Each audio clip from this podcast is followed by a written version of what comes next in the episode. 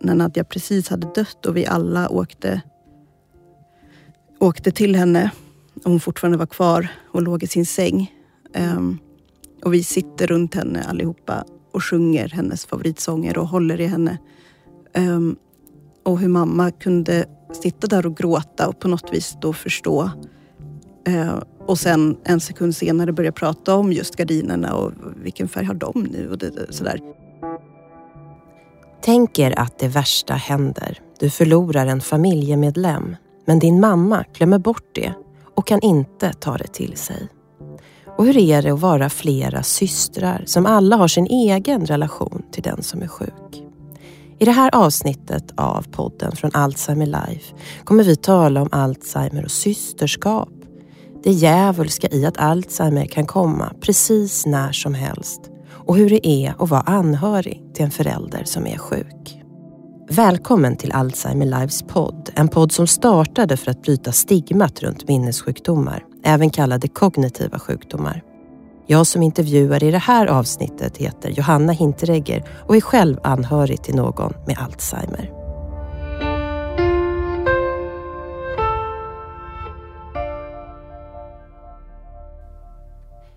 Man stöter på Alzheimer lite varstans. Jag läser en nyutgiven bok av författaren Fanny Ambjörnsson. Den handlar om en stor och glad kulturfamilj som får en flicka med en svår CP-skada som dotter och syster. Men i slutet av boken får den starka mamman minnesproblem.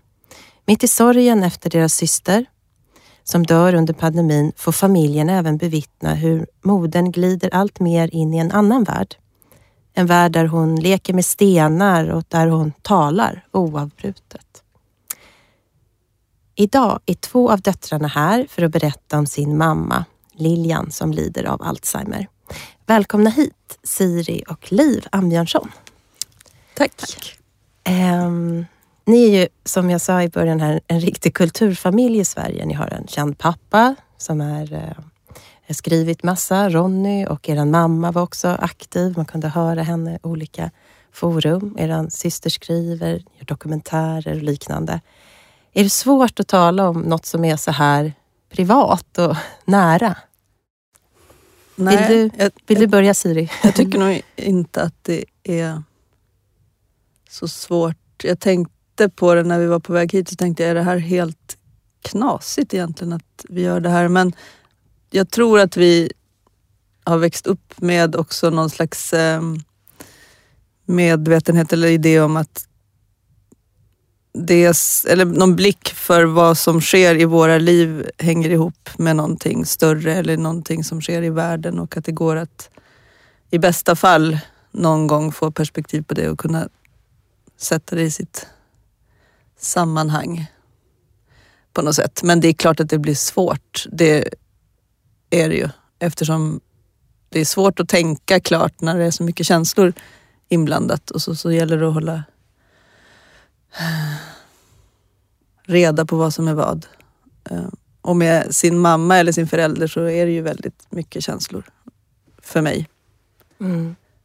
Och för mig, tänker jag. Det är, jag tänker att det är skillnad på att prata om mamma och på att prata om vår syster Nadja för det var vi så vana vid att göra från liksom start på något sätt. Att vi liksom, ja, men, samtalade och pratade och hon var en offentlig person eh, från ganska tidig ålder. Att mamma eller någon annan hade, använde liksom henne eller hennes historia. Um, så den känns mycket mer liksom talad och man vet på något vis mm. vad man ska säga. Medan med mamma så känns det så eh,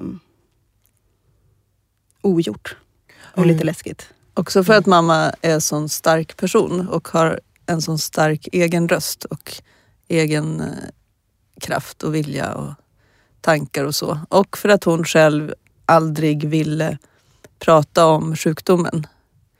Alltså hon, hon ville inte... Vi pratade aldrig om det medan det hade gått att göra det med henne. Utan mm. vi pratade om att hon hade lite svårt med minnet. Minnesproblem. Ja, mm. hon, mm. hon uh, ville inte slutföra utredningen och och sådär. Vi sa ju aldrig att hon hade Alzheimers högt. Liksom, Hade ni med behövt det? henne. Alltså, vi pratade om det här igår lite och jag tror att jag hade haft lättare att hantera allting om vi hade pratat om det mer öppet. Om det hade varit ett mer samtal runt det. Och att också på något vis något befriande i att kunna skratta lite eller att, liksom, att det inte blev så laddat. Ehm, Vad men- hände då till exempel om hon... För det är ju ganska mycket dråpliga situationer också. Om man kan ha det fönstret öppet Mm. när någon börjar glömma saker. Eh, ja, det kan ju bli liksom jätteroliga situationer faktiskt. Mm. Om man, man kan. Men vad hände när hon gjorde knäppa saker? Då, vad, då blev det istället stressigt eller? Men Kanske också att vi täckte upp då, tänker jag. Mm. Alltså slätade över och täckte upp. Eh, Och tog hand om det. Liksom. Mm. Det var väldigt smärtsamt liksom, eftersom mamma är en person som också vill ha och alltid har haft, varit den i familjen som har haft kontroll över allting och organiserat och fixat och haft ordning och reda och Koll på alla födelsedagar. alla födelsedagar, all, allting, allt. Liksom. Och när hon tappade det på olika sätt, hon hade ju olika strategier, så där som jag har förstått i efterhand att de flesta har, alltså att hon skrev upp allting och på lappar och så här. Men när hon började tappa, hon- jag minns just någon gång på slutet liksom när hon reste upp, vår syster Nadja bodde uppe i Umeå och vi bodde alla här i Stockholm. Så reste de ju upp regelbundet och träffade Nadja. Och så var det en gång för ett par år sedan när det var så här på gränsen vi tänkte men hon, hon kan nog klara att åka upp en gång till. Och hon hade ju ett nätverk där som hon landade i. Så här. Men då ringde hon på vägen. Då ringde hon när jag tänkte att nu borde hon ha landat i Umeå. Och då hade hon missat flyget. Um, och det händer inte mamma egentligen som alltid var eh, flera Jättegod timmar i tid. förväg. Och liksom så här. Men då hade det liksom hänt. Och det här var i, i ett läge där det var ändå inte som att vi riktigt förstod eh, hur svårt hon hade det. Så hon hade gett sig ut på den här resan och skulle ta, det var pendel och det var flygbuss och det var en massa saker som behövde stämma. Och så hade hon glömt sin väska någonstans och blivit, hon var liksom helt förtvivlad för hon kom aldrig till Nadja då. Hon Mm. fick vända och åka hem och det, det minns jag som en sån här otrolig smärtsam situation för det var också så viktigt för henne att träffa Nadja ju såklart. Och att vara den som var närmst Nadja liksom. och så Ja, kom hon inte dit. Misslyckas som mor. Ja. Ja. Ja, för hon var ju verkligen den som hade kontrollen eh, och ansvar över allting på något vis. Som rörde hela familjen. Ehm, så jag tänker att det är verkligen att hon hade massa strategier för att försöka in i det sista. Och sen gick det inte och det tänker jag var en enorm smärta. Ja, vad jobbigt henne. att förlora den rollen som Mm. har kollen. Mm. Jag minns också en gång när hon skulle baka Ja. solskenskaka. Hon brukade baka en kaka som hette solskenskaka. Mm. Den åt vi varje kväll typ. mammas kaka verkligen. Och då minns jag en gång när hon skulle göra den, eller om vi var tillsammans och vi skulle göra den tillsammans. Och hon ringde, ah, hon var nog på håll och hon ringde. Och kom inte ihåg om det var två eller tre deciliter socker eller tre ägg eller två. Alltså det, det var inte där längre. Och det var också sådär, "Ah, nu, nu, har, nu är vi här. Och hon, både hon och jag, fast vi pratade ju inte om det då. Men mellan oss så fanns ju den liksom hisnande insikten att nu kan inte mamma baka solskenskaka längre. Hur kan det, Då är det något som inte stämmer. ja, hur kan det vara så här? Mm. Men vi pratade inte om det. Och ni är ju, jag säger för att man ska kunna hålla på, ni var, ni var då fyra systrar, ni är fyra systrar. Mm. Och du bodde i Malmö då. Mm. Eh, och du och din stora syster Fanny, Fanny som skrev den här boken jag Ja. talade om innan, bor i Stockholm. Ja, Och Nadja levde fortfarande då. ja. Mm. Och det var er syster med eh, CP-skada, din Mm. tvillingsyster Ja, Liv. precis. Ehm, Så Hon hon, bodde kvar i Umeå hon bodde på i ett Umeå. boende. Precis. Hon hade mer än CP-skada. Hon var Mm. väldigt funktionsvarierad. Mm. Så mycket man kan vara. Flerfunktionsnedsättning. Hur var hon då, eh, er mamma Lilian? Vem var hon om man ser utifrån? Och sen kan vi tala om vem hon var för er. Och där är det första som jag tänkte att hon är, nu sa du var, Förlåt, jag gör det jämt i den här podden. Ja, men- det är idiotiskt. Nej, men, eh, Eller jag är det tänk- det? Nej, jag, jag kan ju också falla in i så här, vem, jo men mamma var ju, men hon är. Liksom. Men jag tänker att det här kan, det är en del av, det är en del av allt det här. Ehm, för hon, men jag måste liksom, när jag träffar mamma så behöver jag liksom ibland, eller egentligen inte när jag träffar henne, men när jag tänker på henne, när jag inte träffar henne så måste jag liksom försöka minnas vem hon är, att hon är fortfarande. När jag sen träffar henne då tycker jag att hon är väldigt mycket sig själv. Hon pratar, hon är en sån som alltid har pratat, pratat, pratat, pratat mycket. Hon pratar lika mycket fortfarande, det är jag jättetacksam över. Även om inte orden hänger ihop. Så är man nära henne och känner henne så förstår jag och du tror jag också alltid vad det är hon far efter och vad hon menar. Hon kan prata, men för någon annan skulle det te sig väldigt obegripligt. Men jag förstår, liksom, hon håller väldigt mycket på, hon kan säga Ja, men och hur är det nu med allt? Det där blev det som det skulle. Ja, det blev bra. Vad menar hon då, då till exempel? Allt. Hur mår Det du? är inte, är det bra med Att hon barnen? längre kan... Hon kan inte fråga. Eh, att det är just, jo Nej. men nu ska eh, Eli Nej, börja hon vet inte riktigt vilka som är mina något. barn. Nej. Men hon har ju en känsla för vem jag är. Mm. Att jag är någon som är henne nära, att jag har Mm. barn och att det är några som hon bryr sig om. Och så ställer hon lite frågor kring det och bara för att få veta att allt är bra. Det var ju precis så som hon alltid har gjort. Mm. Alltså Mm. känna av, Mm. är det något problem, är det något jag ska oroa mig för? Nej. Är det något jag ska lösa? Eller hjälpa till med? Ja. Mm. Mm. Och den stora skillnaden nu då jämfört med förut är ju att vi, jag inte vill oroa henne på något sätt. Så att vi säger hela tiden bara att men det är bra. Nej men det blev jättebra med det. Hitta, vem hittar? det Ja, men jag hittar. Liksom, Hur känns det att säga det? Ibland tycker jag att det är ganska, eller jag har tyckt att det har varit väldigt jobbigt att ge den här förenklade bilden av ja, min värld till henne hela tiden. Nej men det är så bra. För det känns som att hon kan se min mamma. Min mamma är också ja, Eh, ungefär kan jag tänka mig samma stadie. Hon drabbades också för ungefär fem år sedan. Blev det, började vi förstå att det var något väldigt som inte stämde. Men då kan det vara så väldigt eh, tufft tycker jag ibland att linda in allting och just det där. Och kan säga så här, du ser trött ut. Är det bra? Ja, det är så bra. så är jag egentligen Mm. jättetrött. ja. Ja, men du, hur gör du när du träffar henne då, Liv? Är du på samma sätt Mm. lika liksom? Ja, gud ja, Mm. verkligen. Men jag Mm. tänkte på det precis nu när du sa det. Att jag, jag känner att jag har alltid gjort så med henne. Jag har alltid försökt släta över och säga att allt är bra och att hon inte ska komma in under För du var minstingen eh, som hon skulle vill. ta hand om hela tiden? Ja, och mm. att- För du är tio år yngre. Jag är liksom Mer. exakt mer än tio år yngre än, Mm. än eh, båda systrarna. Eh, eller jag och Nadja. Mm. Och, så att jag tänker att jag har fortfarande samma strategi som jag alltid har haft runt henne. Så här, det går jättebra, allt är jättebra. Det finns ingenting som man behöver oroa sig Mm. för, ingenting som inte är bra. Typ så. Ehm, men jag håller med dig Siri, att man, man förstår hela tiden vad det är mamma syftar på. Eller liksom, även de sakerna som hon blir lite irriterad över. Så här, det ligger ett papper som ser stökigt ut. Att man förstår direkt, oj det där pappret ska jag ta bort därifrån nu. Och ja, det är det, nu är hon ute efter att det låter där borta. Eller liksom, Så hon, hon är väldigt mycket den hon var och den hon är. Alltså hon är väldigt sig lik.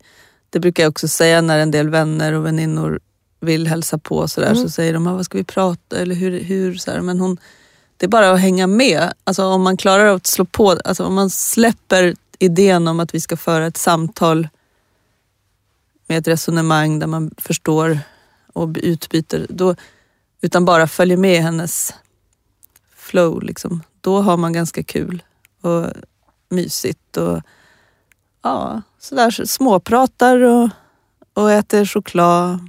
Ganska mycket glass gillar hon. Mm. Alltså sådär. Ehm, Mm. och jag som dotter tycker att jag får ut... Jag, jag, jag känner mig nära henne och jag känner hennes kärlek i det där. Eh, jag tycker därför just nu inte att det är... Alltså det är otroligt smärtsamt om jag väljer att gå in i det rummet och tänka, vad gör hon nu? Vad gör hon nu? Hur är det att vara mamma? hur är det liksom där när jag går Du menar därifrån? nu när hon sitter i sitt rum Ja exakt nu. inte vet var hon är? Ja, Mm. och när hon vaknar, vad tänk, vad, hur är det? Liksom? Hur är det?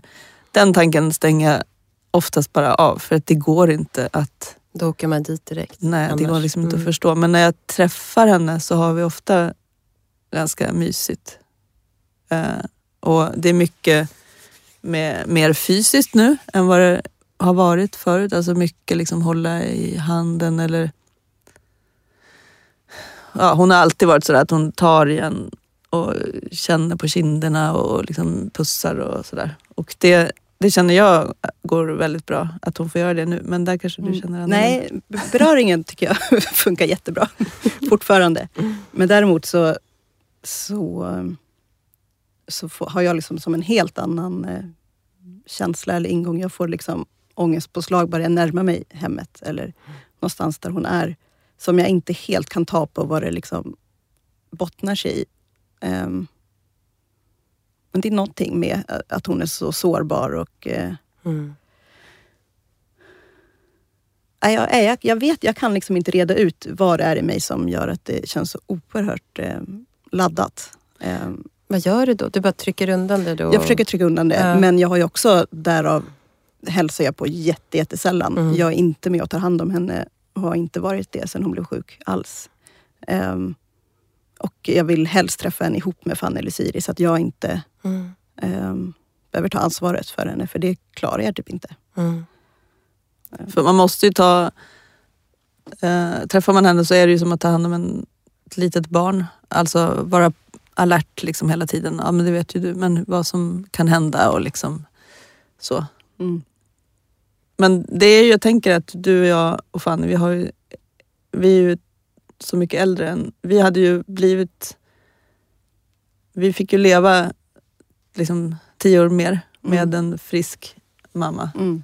Och han komma längre i våra liksom, uppgörelser med henne. Mm. Liksom, vi hade... Jag var över den fasen. Jag tyckte jag kände mig ganska eh, försonad. Ja, men, precis sådär som man, det, de flesta går igenom med sina föräldrar. Liksom. Mm. Jag hade fått barn, de hade blivit lite större. Mm. Ehm, det var ganska lugnt i relation till mamma när hon blev sjuk. Och du låg ju tio år efter där. Liksom. Mm. Ja, men och jag tänker att, jag vet inte om mitt liv hade sett så mycket annorlunda ut om tio år he heller. Men jag tänker just det där att för mig så var, eller har inte, är inte mitt liv lugnt på något sätt för mig. Och mamma var en sån som ville hjälpa till och styra upp och ha koll på mitt liv. Men jag kunde inte ta emot den Mm. eh, hjälpen. Och det är någonting med det som fortfarande eh, sitter kvar så oerhört. Och, men också som du säger, jag har inte aldrig heller gjort upp med, med våran relation. Ehm, och jag märker att det slår till också. Så fort, så fort hennes lite mer liksom, eh, irriterade sida kommer fram eller, eller så, så, så eh, håller jag nästan på att börja gråta typ, så fort det händer. Och det, så var det ungefär innan också. Ja, man får bilden av... Jag har ju jag har hört din dokumentär, Siri. Jag har läst boken. Och eh, Jag har även hört henne när hon har läst i radio några gånger. Eh, när hon berättar sitt eget liv. Så här. Tankar för dagen, jättefint. Man kan lyssna på henne. Ehm, men hon verkar vara en väldigt stark person. Ehm, men jag tror hon säger det själv också, att hon är lätt att bli irriterad och lätt att bli glad. Så Mm. jag, ja, verkligen. mycket känslor även Mm. innan. Mm. Och eh, det kan jag också uppleva med min mamma, att hennes personlighet har förstärkts på något sätt. Mm. Ehm, samtidigt som mycket har försvunnit också så har liksom vissa saker blivit väldigt starka. Mm. Ehm, men i det här med irritation och så, har det blivit ännu tydligare när hon förstår att hon inte har koll på läget längre? Verkligen. Mm. Eh, och de, de åren när vi inte pratade om det och fortfarande bodde hemma. ehm, så tänker jag att det var väldigt tufft. Vadå, alltså när du bodde hemma? Nej, när, när mamma bodde hemma. När hon Mm. bodde hemma? När hon bodde med våran pappa. Så tänker jag att det var väldigt tufft för, för mig när jag var med. Ehm, att han, då blev det liksom de situationerna som annars kanske inte uppstod för att hon hade koll. De blev ju mycket, mycket mer. Så hennes liksom, ångest och oro blev ju mycket större. Och den gav mig mer ångest och oro. Typ så. Mm. Medan jag tänker att ni, du och Fanny har kunnat hantera det på ett mycket mer lugnt sätt.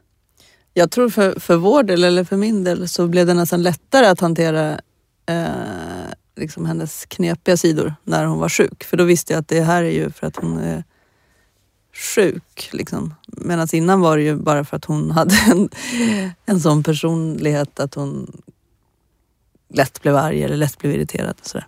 Det var liksom, nu så Alltså, nej, det, det, det, blev, det blev en stor förändring när det kändes som att vi bytte roller. När det, jag förstod att nu är det jag som måste ta hand om henne. När var det då? Ja, det var nog för fyra år sedan kanske. Tre, tre Gud, fyra år inte, sedan. inte mer. Fem. Mm. Det är svårt att säga precis när det började. Mm. För jag får ju såna här på... Ibland kommer man ihåg en situation. Ja, det alltså, se på Man bara- Mm. Facebook kommer det upp såna minnen. Du, vet, så här, du har ett minne från fyra år sedan, delar med Lilian. Och då ser jag hur hon har kommenterat någonting, någon bild jag har. Och det är en helt, det är en helt klar värld som hon Mm. presenterar. Det är liksom så, så tänker jag, men oj oj oj vad snabbt det har gått. Mm. Men den här um, Facebook och telefonen, det var ju Mm. spännande med Mm. henne. Hon, det var väldigt bra för henne länge. För att hon, Mm. och det tog ett tag innan vi förstod vad det var. Liksom. Men när hon kunde lägga upp bilder så såg hon ju det. Hon la ju upp minnen liksom, på Facebook. Mm. Barnbarnet det, där, då stod det allting. Hon kom ihåg det och så sen mindes hon att hon hade gjort det. Liksom. Så det blev ett sätt för henne att hålla. Det är ju en jättebra Ja. grej egentligen. Det var helt Mm. fantastiskt. Nej, men det var länge. tänker Under, på det. det var flera år som hon, Ja. och hon var så... Och sen var det också så spännande att se att hon är så bildrik och en som bildmänniska. Det har aldrig... Det har inte vi riktigt förstått innan, Hur då tycker jag. Nej, men att hon, hon, är, hon är väldigt bra på att se bilder och ta bilder och ta, liksom, Mm. ta vackra bilder. Ehm, Alltså med sin mobilkamera. Ja, det gjorde Mm. hon. Så att när hon flyttade in på sitt eh, demensboende så var det helt självklart för oss att hon skulle ha mobilen igång. Och sen blev ju det helt fruktansvärt plågsamt efter ganska snabbt när för att hon ju försökte kommunicera med oss och var var vi egentligen och varför svarade vi inte Mm. och hon kunde ringa väldigt mycket. Alltså hon försökte ordna upp det som hade hänt henne.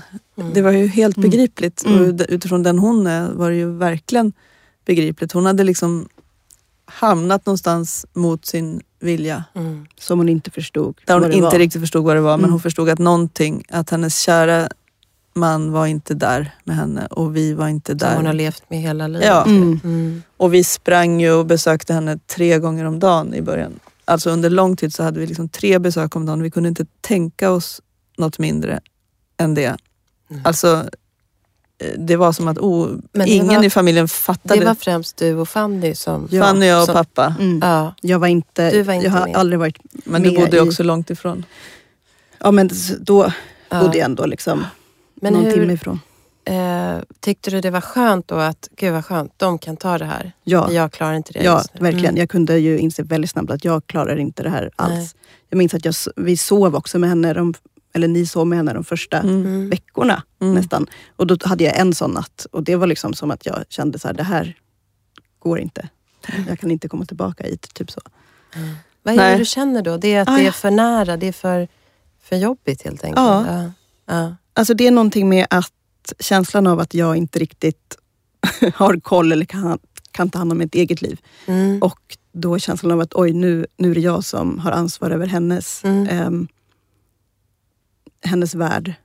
Ehm, och att jag, den mycket. kombinationen av det Ja. och att jag liksom hela tiden känner mig sådär lite tassande på tå kring att hon inte ska må dåligt eller bli ledsen för att jag inte kan, för att jag Mm. inte kan hantera känslan av att hon är det. Och, Mm. och så är jag med allt. Jag kan inte hantera känslan av när mitt barn blir ledsen Mm. heller.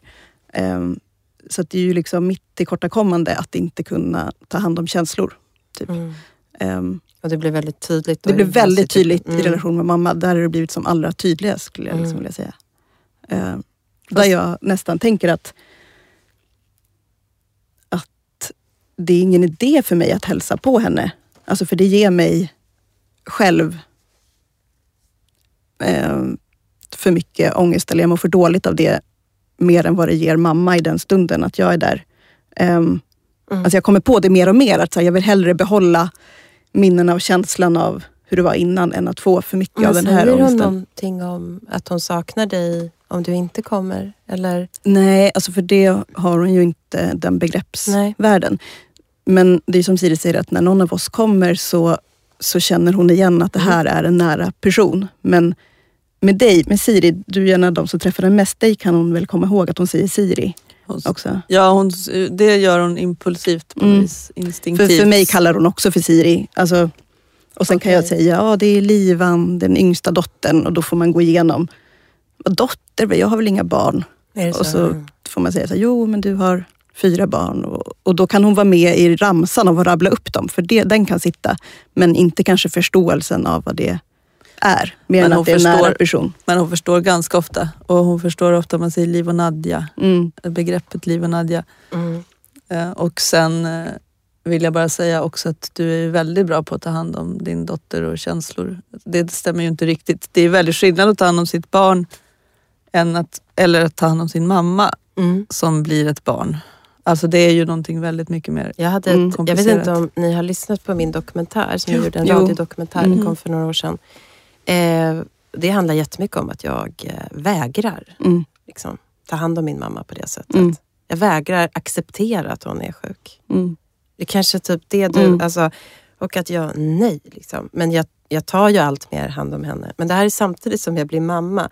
Och på ett sätt kan jag känna, jag blir mamma, äh, inte bara åt min mamma utan nej. åt, mm. åt en, äh, mitt barn som kommer.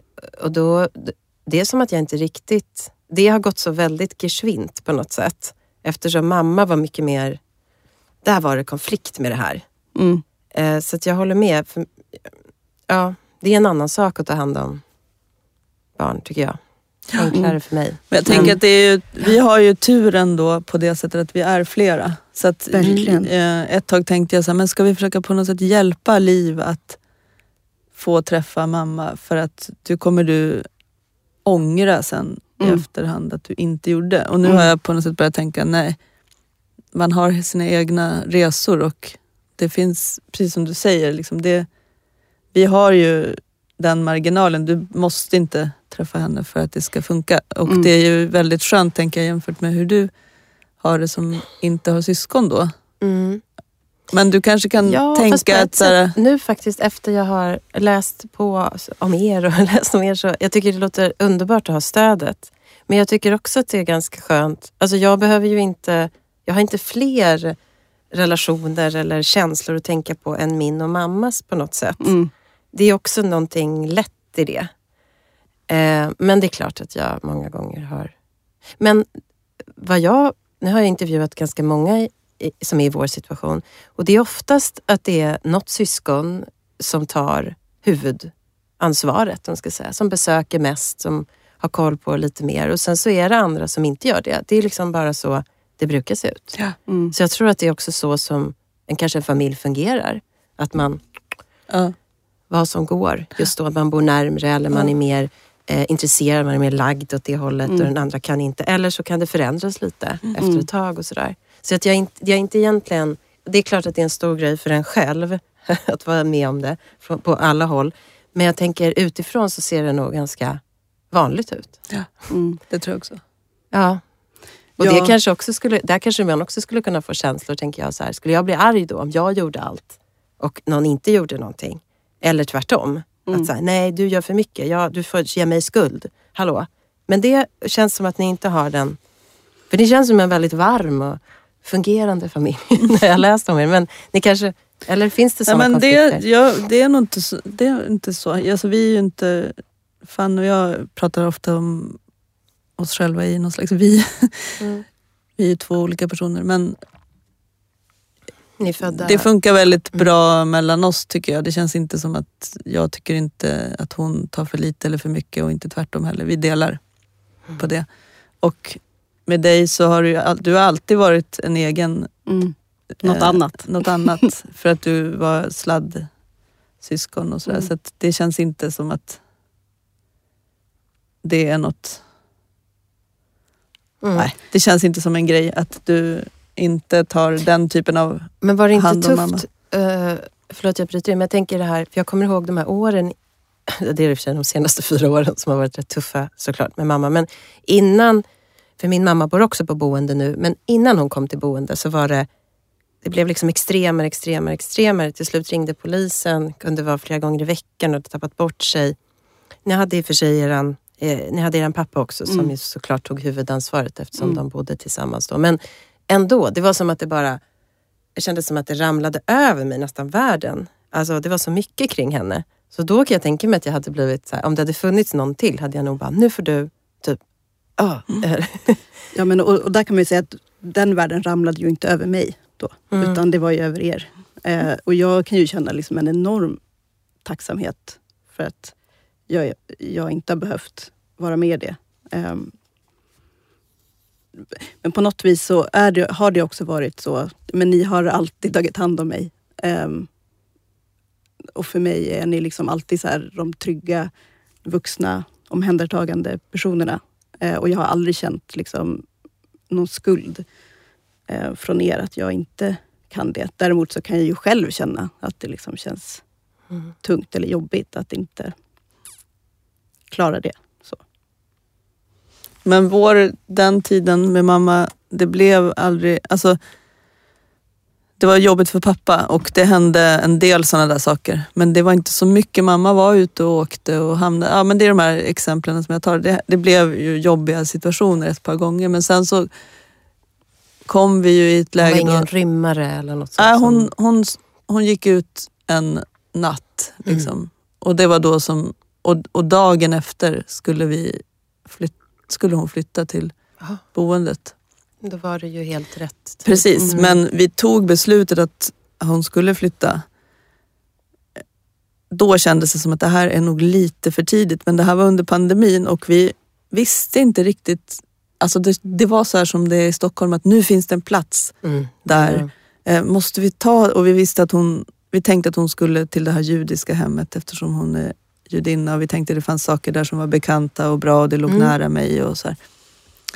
Eh, Så det var lite grann så här, säger vi nej nu så kanske vi inte får. Tänk om pappa... Ja, det är Och som att de har kommit in på typ ett elit eh, Ja, Mm. typ Mm. Yale. Liksom. Ja, Man men det var så också här så att tacka ja nu. Precis, det är pappa hade eh, brutit revbenen Ja. och ramlat och så här. Det, det började hända saker Ja. och då blir jag så här som, så som jag är, att jag oroar mig alltid lite i förväg. Mm. Och nu är det bäst att vi ser till att det inte blir världens katastrof. Så att, men känslan när hon skulle flytta in var ju ändå att jag, alltså jag, det var så fruktansvärt det där beslutet tyckte jag. Mm. Och vi höll på liksom. Men till slut hade vi ju fattat det beslutet. Mm.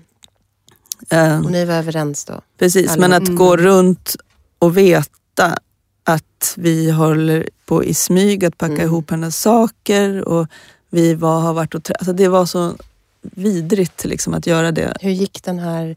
Alltså, jag kan bara göra en liten recap. Ja. Nu har hon Mm. alltså... Eh, hon, hon avbröt sin eh, eh, Utredning. utredning. men det var tydligt att hon hade Mm. eh, allvarliga minnesproblem, Mm. en minnessjukdom. Mm. Och eh, hon bodde fortfarande hemma men det fungerade inte. Hon har haft det, ni började se tecken på att hon började glömma lite. När hon pensionerades ungefär så har ni 67 eller? Ja, de, då flyttade Mm. de till Stockholm och då, Mm.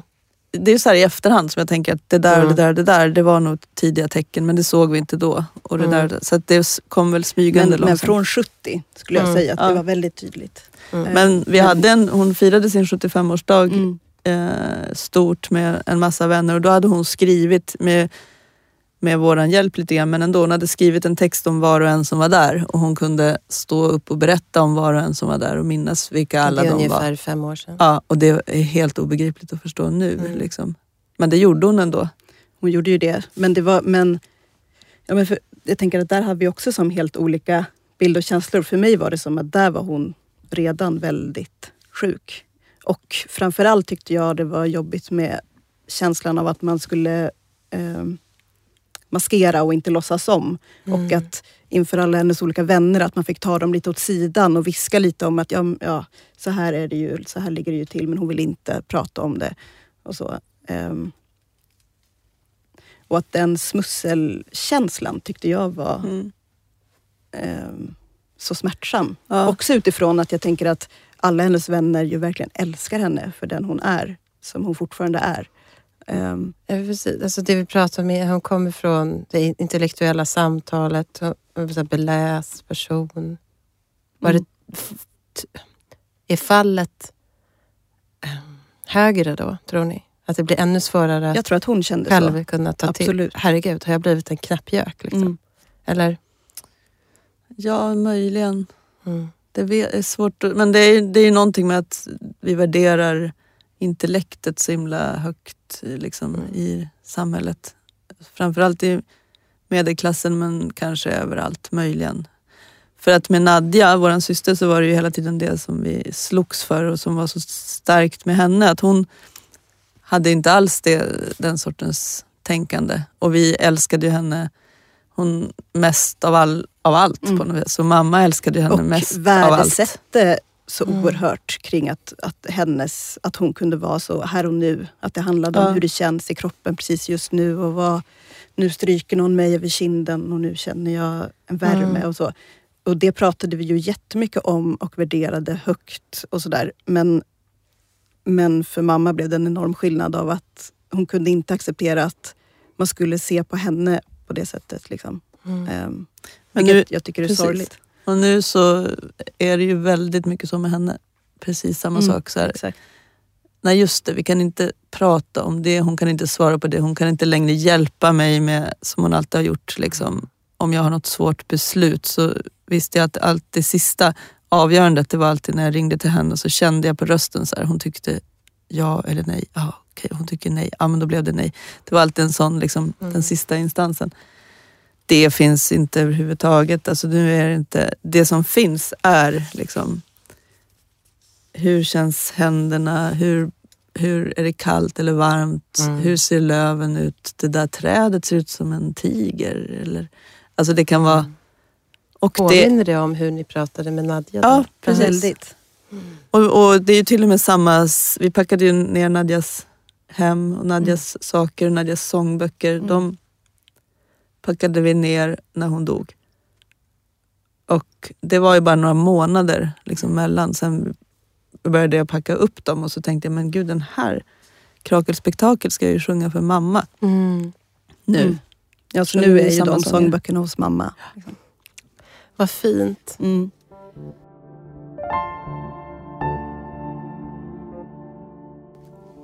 Ni kom ju in på Nadja igen och det eh, jag känner bara att vi måste mm. nämna det eftersom det var en stor del av den boken som er eh, syster skrev.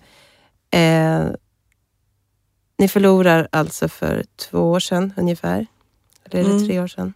2020, november. Ja, tre år sedan. Tre år sedan. Eh, under pandemin, er syster Nadja, eh, som blir 35 år gammal. Så, ungefär. 34. 34. Mm. Och här blir er mors sjukdom då väldigt påtaglig. Vad, vad händer i en sån situation? Där det måste varit väldigt mycket sorg, mm. tragedi. Vad, vad händer då med någon som inte...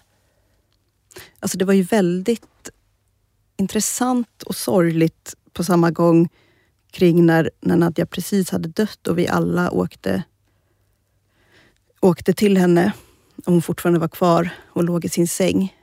Mm. Um, och vi sitter runt henne allihopa och sjunger hennes favoritsånger och håller i henne. Um, och hur mamma kunde sitta där och gråta och på något vis då förstå.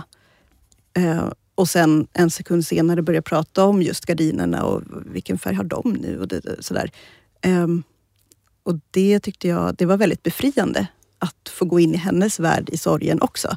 Att uh, man också kan prata om hur just gardinen är och sen kan man komma på igen att hon är, är död och blir ledsen. Men hon gick ju liksom ut och in i sorgen precis där mm. som sorgeterapeuter säger att man ska göra. Liksom ta en paus, gå in i det, gråta, gå Hon ut, väl dricka kaffe. Hon var väl- ja. ja. psykolog. På Psykolog. något sätt så, det blev liksom, Mm. mitt i allt så fick det oss också skratta. Vi stod där runt henne och mamma började Mamma var alltid väldigt upptagen av Nadjas hår och frisyr och hur det låg och hur assistenten hade gjort rätt eller fel kring liksom hur hon såg ut. Mm. Och när hon ligger där och är död då i sängen så börjar hon liksom rätta till håret och säger vi måste gå till frissan Nadja, ska vi inte det? Och så, så i nästa sekund så ser hon att, förstår hon att hon är död. Och det, det är så som jag också känner, så här, men är hon död? Vad är Mm. Nej, det är hon inte. Hon lever ju i mig. Liksom. Eller hon, vad är det att vara död? Det var liksom som att mamma, mammas tillstånd gjorde att hon, hon bara var, blev ett sånt bra exempel på just det, så här svårt är det att greppa det här. Men ni kunde ta det, ni kunde välkomna den nya åskådningen på något sätt från en annan värld lite. Trots Ja. att det var ett sånt laddat liksom, ögonblick där. Ja, just kanske Mm, därför. mm, För att mm. allting, det blir så, ställs på sin spets liksom, på något sätt. Men Jag tänker också att det var också för att vi var många som kunde, alltså man kunde turas om då att sitta lite med mamma och sjunga en krakelspektakelsång eller att vara inne hos Nadja och, och Mm. ta farväl. Liksom. Men hon blev ju väldigt mycket sämre efter det, eller i Mm. samband med det, tycker Mm. jag. Mm. att hon blev. Alltså det var som att, jag tror att hon också någonstans... Alltså trauman kan ju liksom göra att man går in i sjukdomen mera eller liksom att det blir, vad jag förstår. Det var ju ett trauma att förlora sitt barn men jag tror också att hon någonstans också släppte fram ännu mer eller att vi alla släppte fram att det var mamma som kunde vara, vara den som fick vår omsorg Mm. nu när inte Mm. Nadja längre Mm. fanns. Liksom. För efter det så tog det ju över. Det var ju bara några månader efter sen som pappa trillade och bröt revben Mm. och mamma Mm. flyttade in på boendet. Och det var ganska jobbigt. Det var vidrigt faktiskt. Tyckte jag. Mm. Det var fruktansvärt. Varför det? För att du svek henne? Ja, därför att hon var så klar på ett sätt Mm. över att någonting inte gick som hon ville. Liksom. Hon ville ju inte. Alltså hon var, framförallt var det ju att skiljas från våran pappa. Mm. Det var det var så, så fruktansvärt. Så för honom var det ju hemskt. Liksom. Eh, Och, för att hon fortfarande var så stark i att liksom försöka ordna upp det. Hon är ju van att alltid, hon är liksom verkligen en överlevare. Mm. Jag Ja. tänker på det, hela den här boken är ju som en, till viss del en hyllning av henne. Ja. Alltså enorma insats Mm. hon gjorde för er Ja. syster som inte kunde Verkligen. tala för sig själv. Ja. Och jag läser den och blir så här, shit, alltså jag börjar börja tro på den här mänskligheten. Liksom, att man, ja, det går ju. Ja. Hon fick ju igenom saker Mm. som, nej, nej, man får beslut om hela tiden. Ja. Nej, det går inte. Det, det går inte. Jo, det går för att det är min Mm. dotter och Mm. hon ska få det här. Mm. Jag rekommenderar alla att läsa den för Mm. den är jättefin. Just att ge någon ett skyddsvärde. Men jag tänker för er, en sån tigermamma då, som gör det här för sitt barn. Eh, svårt att göra samma sak för henne. Alltså, Ja. kan, klarar man det? Och är det det man jämför sig med? För då blir ju varje insats... Men jag för tror lite. att Eller? det Förstår var ni hur jag det- menar? Är det ja, nej, men det, kän, det känns ju som att vi på ett sätt, det var ju därför det var så svårt, svek henne. Därför att eh, jag tänkte ju, jag vet att vi tänkte ganska länge så men det kanske går, ska jag flytta hem dit kanske? Kanske ska, ska vi göra så istället, att vi bor där hemma? Ja med min familj och mina barn eller Alltså, Mm. för, för känslan var ju så att mamma har stridit för oss och stått upp för oss och varit den som har hållit oss liksom, genom hela livet och nu ska vi stoppa in henne Mm. på det här stället. Och så kände, ju, Mm. så kände jag Mm. väldigt mycket. Men då var det ju det att pappa, det kändes lite grann som att han skulle inte palla. Han skulle inte klara det. Det var för Mm. mycket, det var för svårt och det förstår jag. Alltså han behövde, och vi, vi hittade inte, vi hann aldrig med den här mellanfasen med någon slags eh, dagverksamhet och det fick, fanns inte plats. där Och, ja, så. Mm. så att tän- det blev ju till slut att det kändes som att han kommer Mm. trilla av pinn om inte vi hjälper honom. Och han kunde inte själv ta det beslutet för det var alldeles för svårt. Han Mm. ville ju inte det här riktigt. Men han kunde också förstå att det var nödvändigt. Men han hade aldrig valt den tidpunkten tror jag om inte vi hjälpte honom att Mm. Våga ta det beslutet. Liksom. Men, men jag tänkte på det nu, att, att som sagt hon var liksom en tigermamma och har kämpat för oss alla och framförallt för Nadja. Ehm, och jag, för, för mig är ju upplevelsen att det är precis vad ni har gjort med mamma Mhm. eh, hela tiden. Och också i det att ta beslutet att hon måste flytta. Mm. För jag, min upplevelse är ju att hon flyttade lite för sent. Att hon skulle ha flyttat tidigare, framförallt för pappas skull.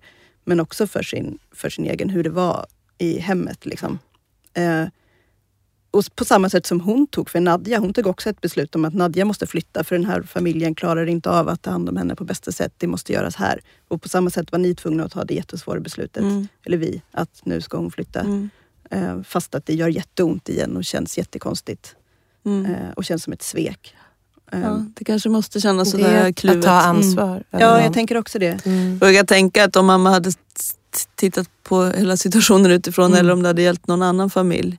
Då hade, hon har ju alltid velat oss vårt bästa. Mm. Alltid på något Mm. sätt. Det känner jag så Verkligen. starkt. Liksom, att hade man frågat henne vad vi skulle göra i den här situationen så hade hon nog sagt ja men det är så här ni ska göra. Ni ska göra det som är bäst för er. Ni ska Mm. ta hand om era... Och så, så kan det ju fortfarande vara ibland när hon inte vill att jag ska gå från när man besöker henne. Mm. Det som alltid funkar att säga det är att jag säger, men mamma jag måste, ta hand, jag måste gå hem till mina barn nu för jag ska laga mat till dem. Jaha, ja men det måste du göra. Mm. Det, det förstår jag. Du ska ta hand om dina barn. Mm. Det funkar alltid. Det är nästan det enda som alltid Mm. går att säga och då tycker hon att gå, gå nu för det är det viktiga. Mm. Ja, att hon har kvar det. Mm. Mm. Hon skulle ju vilja ta ansvar för er fortfarande Mm. såklart. Verkligen. Och gör väl det så gott hon Mm. kan. Vad gör, vad gör, du, ni besöker henne ofta, du besöker henne lite mer sällan. Vad gör ni när ni besöker henne? Det har ju förändrats en del. Sista tiden har hon blivit liksom mera fysiskt i dåligt skick. Mm. Men väldigt länge så har vi kommit dit och det var ju också under pandemin. Det kändes som att vi ville bara inte vara där. Liksom, för det var så mycket restriktioner och man fick bara sitta på rummet och det var munskydden och hela det här. Så Men vi ni har- fixade säkert att ni fick komma och besöka ändå? Ja, Eller? vi fixade extra på något vis. krigar-Siri fixade Krigar-Siri allt extra. ja. Precis som mamma hade gjort. Ja. Men sen har vi gått Ja. ut med henne. Det finns ett litet fik väldigt nära Mm. som, blev hennes, som har blivit liksom hennes ställe. Och då kommer vi dit och så, då känner de igen henne, de vet vem hon är, de pratar och hon ska alltid, vill alltid ha samma sorts kaka och hon går och plockar med blommorna och rättar till och pratar med, och där finns det barn, nästan alltid mammor och barn eller pappor och barn. Och hon blir jätteglad av barn. Alla barn. Barn är ju alltid liksom blir hon och börjar prata med. Och det sen- har hon alltid blivit och gjort. Mm. Ja. Och sen går man tillbaka. Och nu går det lättare att lämna henne. Mm. Och vi har liksom någon slags deal med personalen att det bästa är att de kommer upp och möter och så tar man avsked istället för att gå till, Mm. ner i rummet. Och, Det låter klokt. men eh, Men att- nu när hon inte riktigt alltid kan gå och sådär och det är svårt för pappa för han har lite svårt att röra sig så då brukar vi mera vara nere hos henne och då har chokladen blivit central. Hon har alltid älskat ah. sötsaker men nu Mm. älskar hon det ännu mer. Så om man har liksom en Marabou, ungefär som man kunde ha med sina barn, liksom, man hade något i, i väskan och ta fram, liksom, då blir hon glad. Vi går på en kör också varannan måndag som är roligt. Ja, som, som jag och min mamma också ska börja gå på Precis. nu när jag inte är föräldraledig längre. Det ska bli jättekul. Mm. Kanske vi kan berätta om lite Mm. mer i något av avsnitten längre fram. Ehm, tar ni med er era barn och hälsar på henne ibland? Ja, det har jag gjort. Mm. Och, eh, men mer och mer, det gör vi ju väldigt mycket också. Att jag, eftersom vi bor ganska nära, både Fanny och jag bor ganska nära, så då brukar hon också komma hem till oss på middagar. Och det gör hon fortfarande. Och då har pappa också där, så Mm. får hon liksom vara. För det, känns, det är någon känsla att man vill få henne att, man vill flytta henne från Jag vet. den här platsen. Som säkert inte är dålig eller värre än någon annat hem, men det är så Man vill göra det normalt Ja. kanske, som det var. Så då får de komma hem till oss och det har väldigt, eh, inte längre kanske men fram till ganska, för något halvår sedan så kunde jag ta fram allt som skulle strykas. Då kunde hon ställa sig och stryka. putsa silver tycker hon om. Så hon får putsa silvret. Den silverljusstake Välputsat som finns. Eh, och så hon tycker om att hjälpa till liksom, Mm. och göra saker som känns meningsfulla. Liksom. Mm. Och stryka var väldigt bra. Och då kunde det vara väldigt mycket fina stunder faktiskt. Och sen kom barnen och så, så äter man lite och sen Mm. så efter Och då en, funkade det att ha med barnen också? Ja, absolut. I, när det var i Ja. ett sammanhang där hon gör någonting? Också när barnen kan få gå undan, när de inte orkar Mm. längre. Liksom, så kan de få ha sitt. Det var Mm. lättare än att ta dem till hemmet. För Har, där, du, har du orkat det Liv, ha med ditt Ja, barn? Eller blir det, det för har jag. jobbigt eftersom du, man måste ju hantera det Ja, själv. Det blir ja. dubbelt att ta hand om då. Alltså, jag har nästan tyckt att det varit lättare, att det Mm. är lättare att ta med mitt barn just för att mamma blir så oerhört exalterad. Eh, Mm. Så att hennes uppmärksamhet går till barnet. Liksom. Ehm, men, men också för att det i mig känns så, mitt barn är är sju år nu och mamma har ju som varit sjuk under hela hennes eh, uppväxt på något vis. Och att jag så väldigt mycket vill att hon ska komma ihåg mamma och ha liksom minnen och känslor från henne. Ehm, men det funkar jättebra. Än så länge går mitt barn väldigt mycket med på att hon får pussa på hennes kinder och knipa Mm. och lyfta upp och krama och sådär. Hon är ganska stolt över att ganska länge så, så kunde hon komma ihåg vem hon var och sådär. Eh, mer än mig. Eh, Mm. så. Och det tycker hon liksom, Mm. känns häftigt. Eh, så det funkar än så länge, skulle jag säga. Vad fint. Mm. Vad skönt. Mm. Man ska göra allt som går som gör det lite lättare att ses. Tycker jag Mm. man ska göra. Jag brukar ha med mammas hund som jag har hand om nu. Lite motvilligt. Mm. Jättestor oh, uppfostrad hund. Ehm, men jag brukar ha med honom för att eh, det blir lugnare på något sätt. Mm. Mm. Eh, apropå det här när man själv har barn. Så tänker jag ganska ofta på det här rädslan att själv drabbas. Och jag vet att ni har varit inne på det också. Hur känner ni för det? Eh, risken eh, finns. För jag vet att ni, mm. att eran eh, morfar hade det också. Mm. Jag vet inte om det var just Alzheimer, man utredde inte det riktigt då. Nej. Men samma med min Precis. mormor hade det också och hennes Mm. pappa. Så det finns ju helt klart Mm. i min släkt. Sen är det ju så med det här att det är ärftligt men det är fortfarande större chans att man inte får det. Är det så? Mhm. Ja, det är det. Om man Mm. inte har någon av de här gen, speciella genvarianterna. Så det ska man alltid komma Mm. ihåg. Nej men det är en helt Men- vidrig tanke som jag Mm. inte orkar. Tampas ni med den själva liksom? Ja. Ja.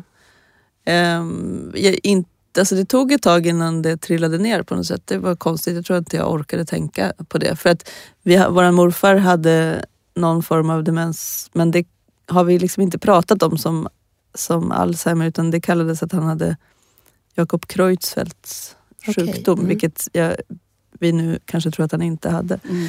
Ehm, så att den här ärftligheten är ju, rädslan för det, den finns ju absolut. Men samtidigt så tänker jag numera, tror jag. Mamma ville ju aldrig liksom prata om att hon kanske var sjuk eller att någonting kanske... Och det kunde jag tycka var... nu kan jag förstå det på något sätt. För att jag vet inte. Alltså jag, skulle jag börja tappa minnet eller liksom bli sjuk. Då skulle jag nog också inte vilja veta det på något sätt. Att det, då skulle jag hellre tänka på att det var någon form av utbrändhet eller utmattning eller normal ålderdom, åldrande. Än att veta att det är det här. Liksom. Mm. Även om man skulle kunna förlänga sin friska tid med bromsmediciner så vet jag inte. Men- Eftersom jag har barn så jag, jag kan inte... Så länge som de är små så nej. Men det, det är spännande för jag har liksom precis tvärtom ingång. Mm. Jag är inte rädd för att själv få det. Jag kan snarare känna så här, åh vad skönt att få gå in i dimman lite. nej men. Eh, jo men på riktigt. Eh, och eh, det känns inte jobbigt att behöva bo på ett hem. Eller liksom, jag har aldrig, aldrig känt det och tyckt det. Det var snarare lite trevligt. Typ. Mm. Bra Ehm, liv. Men, eh, men däremot att jag då bara har ett barn, det skrämmer mig. Mm. Eh, att hon kommer ensam behöva ta hand om mig. Det Som tycker jag jag är då. läskigt. Exakt. Mm. Men då Ehm, tar vi hand om dig. Ja, Ja. men men du är ju en eh, härlig människa. Du kommer ha en massa vänner runt Ja. sig som hon kan ta hjälp av. och eh, andra Absolut. människor runt. Nej, men Ja. Det tänker jag också såklart. Men jag tänker ju snarare tvärtom också. Jag vill veta det, jag vill prata om det. Mm. Jag vill ha sagt tidigt att sätt mig på hem även om jag säger nej. Och, och sådär. Jag, jag känner liksom precis tvärtom. Att jag skulle vilja älta det Mm. och jag skulle vilja skämta om det och jag skulle vilja Ja, sådär. ja. Okej då. Typ så. Men, men man får ju ha två helt olika känslor. Nej, men, eh, det är jättebra. det låter bra. Vi kanske sitter där på ett hem tillsammans och så. Alla du vill prata om det. Absolut, ja. Du lever ute och, och du Siri mm, oroar dig för Ja. nästa... Ja, men det, det är ju en jättestor fråga det här med liksom vården. Eller så här, alltså skulle, för mig är det väldigt mycket det. Alltså skulle, det fin- skulle jag se en, en plats där man hade resurser, där man kunde sitta och, där mamma fick vara som hon var och man satt och pratade med henne, hon hade sällskap och det fanns tid och så här. Då skulle det inte vara lika skrämmande faktiskt. Nej. Alltså för att egentligen då och då så kan jag drabbas av någon sån här plötslig känsla. Men vad är det som är så hemskt med det här? Alltså när allting funkar. När, när hon liksom är nöjd och hon äter det hon vill och hon är så här. Mm. Då tänker jag, men det här det är ju inte världens eh, liksom, ände. Liksom. Det här, hon har det bra här. Ungefär som ett barn som har det bra på förskolan. Liksom. Ja, Men, men så ser ju inte samhället ut, Nej. tyvärr. Liksom. engagemanget som finns kring våra dagisbarn är ju mycket större Ja. än vad det är kring Precis. våra föräldrar. Och det är i sig helt... Kanske vi ska starta ett kooperativ Ja. för, eh, för, ett, ett, för våra föräldrar. Mm. Där man kan komma in och jobba Mm. en dag i veckan. Ska vi inte göra det? Jo, alltså eller då Tack för för oss själva jobba. kanske. ja men Ja. absolut, men jag, menar, jag tänker att vi måste skapa ett framtida boende där vi kan Nej, bo. men kanske ett kooperativ. För då kan man vara inne och liksom, då, ja, Mm. precis lagom. Styra. Det är ju, jag kan ta ett av alla de här kooperativen för dagis Mm. som finns på, här på Södermalm där vi befinner oss. Det är nästan en, eh, alltså det är den nya surdegen, alla Mm. kooperativ. och eh, vi gör det. Eh, Hotell surdeg kan det Mm. heta. Och så är det för våra päron. Eller för oss sen. Ja, för, oss sen då. För oss blir det. Mm. Tack så jättemycket Liv och Siri Ambjörnsson som var här och berättade hur det är att eh, ha en mamma som har drabbats och även eh, känslorna inför att själv drabbas och vad det gör med en familj att eh, ha det här i familjen. Läs boken om Nadja skriven av Fanny Ambjörnsson, er stora syra. Och lyssna även på Siris eh, dokumentär Syster Min eh, på Sveriges Radio. Vackra skildringar som öppnar nya dörrar tycker jag till att se på saker och ting. Eh, det här var allt för Alzheimerpodden den här gången. Hjälp oss att sprida information om kognitiva sjukdomar och bryta stigmat. Gå in på vår hemsida till exempel, ge ett bidrag, sprid eh, lyssning av den här podden. Jag heter Johanna Hinteregger och tack för att ni har lyssnat. Bloggen och podcasten Alzheimer Life har också en insamling till förmån för forskning om kognitiva sjukdomar. Ni kan hitta den på vår hemsida alzheimerlife.se och den görs i samarbete med Alzheimerfonden. Denna podd produceras av stiftelsen Alzheimer Life med finansiellt stöd av biofarmabolaget BioArctic och den görs på Beppo. Beppo.